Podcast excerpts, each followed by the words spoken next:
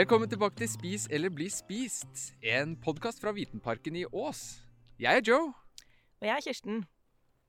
I de forrige episodene så har vi snakka mye om hvordan du kan kjenne igjen de vanligste trærne i Norge. Eh, vi har snakka om gran, furu og bjørk. Og i dag skal vi faktisk snakke litt om eh, hvor vi finner disse trærne. Jepp. I dag skal vi snakke om skogen, og da passer det jo bra at vi er ordentlig i skogen i dag. Det stemmer det, Kirsten. Nå står det masse trær eh, rundt oss. Nå er det jo sånn at Vi finner jo også disse trærne som vi har snakka om tidligere, sånn som eh, gran og furu og bjørk, i eh, parker og hager og kirkegårder og langs veien og sånn. Men i dag så skal vi eh, prate om skogen, for det er noe som er litt annerledes. Og hva er egentlig en skog, Kirsten? Ja Har du hørt uttrykket, Joe, eh, kan ikke se skogen for bare trær? Eh, ja, jeg har jo det. Er ikke det sånn at når man ser liksom Når man ikke ser alt, man ser ikke helheten, man ser liksom bare deler av en ting. Ja, det er akkurat sånn det er. Og sånn er det med skogen òg. Det trengs jo trær for at det skal bli en skog, akkurat som at det trengs folk for at det skal bli en familie. Men det er jo ikke nok. Både skogen og familien er så mye mer. Det er jo historien og samspillet og alt det som vi ikke kan på en måte se og ta på, eh, men som er viktig for at det skal bli nettopp en skog, da. Eller en familie. Men hvis vi holder oss til skog nå, siden det er skog vi skal snakke om, så må det jo være trær, selvfølgelig. Ikke bare kratt, eh, men ordentlige trær med tydelig stamme. Og det må være flere av dem sammen, fordi ett tre gjør ikke en skog. Det må være flere trær. Eh, men så er det jo noe mer òg. Hva syns du må til for at det skal være en skog, Joe? Ja, du kjenner jo meg, jeg er jo mest glad i ting som eh, rører på seg, så det må jo være litt mer liv enn bare trærne. Det må være andre planter, sopp og dyr og fugler. Det er jo viktig i en skog. Og så er det jo den følelsen av å være i skogen. Da. Altså luktene og lydene. Så det er ikke bare trær som er viktig i skogen. Det, det, skogen er også et viktig leveområde for mange andre levende vesener. Det er jeg enig i. Og en gammel og naturlig skog er jo den fineste skogen, syns jeg, da. Og faktisk så er det sånn at halvparten av alle de artene i Norge som er trua, de holder til i skogen. Det er jo egentlig ikke så veldig rart. Det er jo en finfin fin plass å finne gjemmesteder i rundt omkring her i, i, busker og kratt og trær. Helt klart. Så selv i den lille skogen som vi har holdt på uh, å spille inn podkasten vår i, Kirsten, her hvor det er nærhet til både hus og bilveier, så er det jo det er et yrende liv, kan du si. Det er jo fugler og insekter. Vi har hørt og sett både ekorn og fugler. Vi har sett spor etter elg, og vi har kjent mose under føttene våre. Så det er jo mye liv i denne lille skogflekken her. Ja, det er det. Og tenk på alt uh, livet som da kan være i en helt uh, urørt skog. Det må jo være sykt mye. Mm. Men en ting som vi veit at er viktig for at det skal bli mye liv i en skog, er at det skal være masse død i skogen. Det gir jo ingen mening. At være, for at det skal være liv, må det være død. Det høres jo, høres jo rart ut. ja, gjør det det? Ja, litt.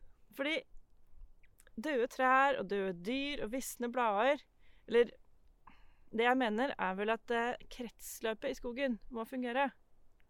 Og kretsløpet fungerer jo sånn at noe lever, og så er det noe som dør, og så brytes det ned, og så blir det næring til noe nytt som skal leve. Og Derfor er det mye mer liv i en skog hvor det fins døde trær, eh, både de som står og de som ligger på bakken, enn en skog hvor alle trærne er levende og like gamle. Så det du sier er at variasjon i, i, i skogen, det er mye viktigere enn at det bare er eh, trær der.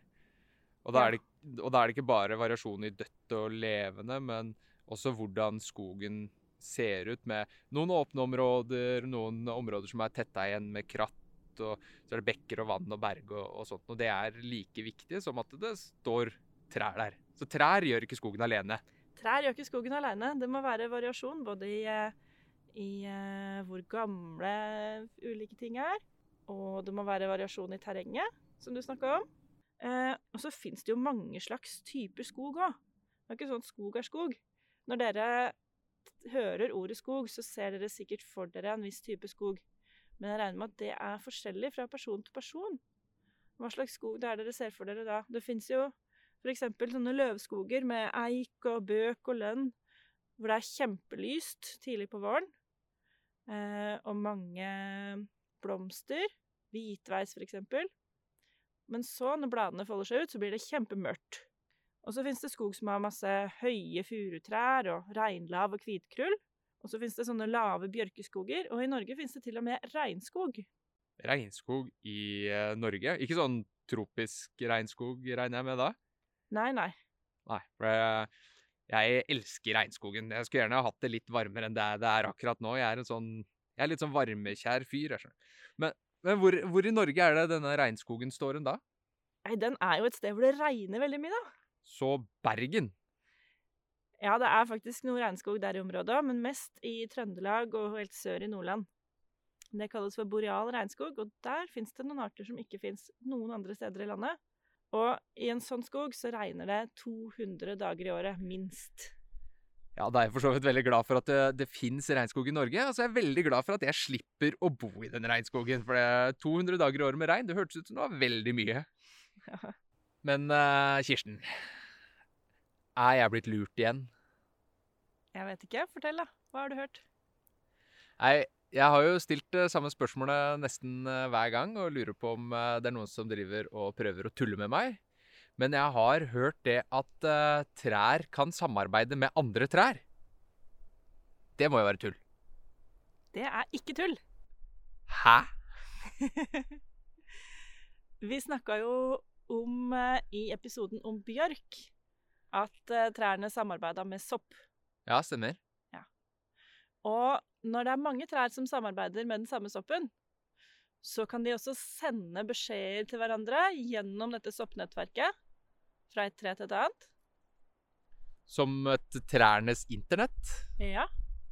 Og de kan også sende eh, vann og næring, sånn at trær som står i skyggen eller har det litt vanskelig, de kan få næring av de som står i sola og trives og har det fint og flott.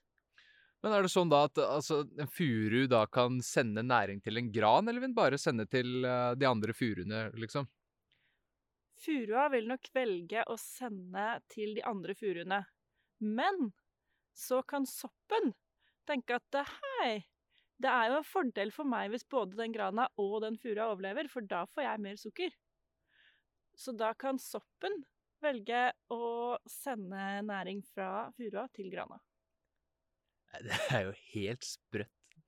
Så at furu kan snakke med furu, og så kan soppene som de samarbeider med, også snakke videre med andre trær ute i naturen. Det er jo Jeg hadde ikke trodd det om trær, for å si det sånn.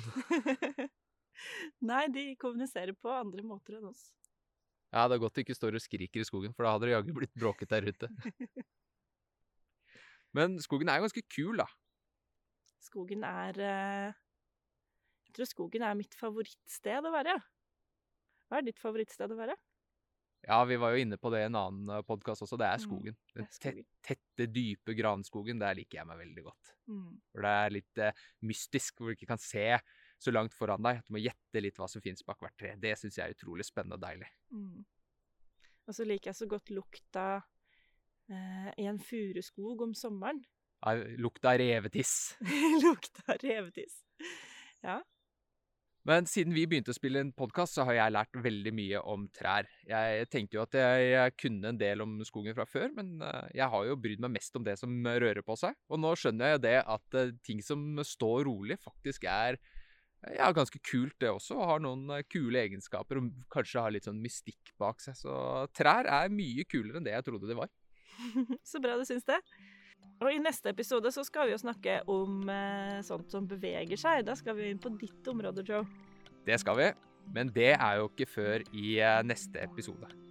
Så i mellomtiden så kan jo dere som lytter til podkasten vår, dere kan jo gå inn på www.vitenparken.no. Der finner dere faktaark om skogen og noen eh, kule skogsaktiviteter. Så er det bare å komme seg ut på tur. Og inntil vi høres igjen, på gjenhør!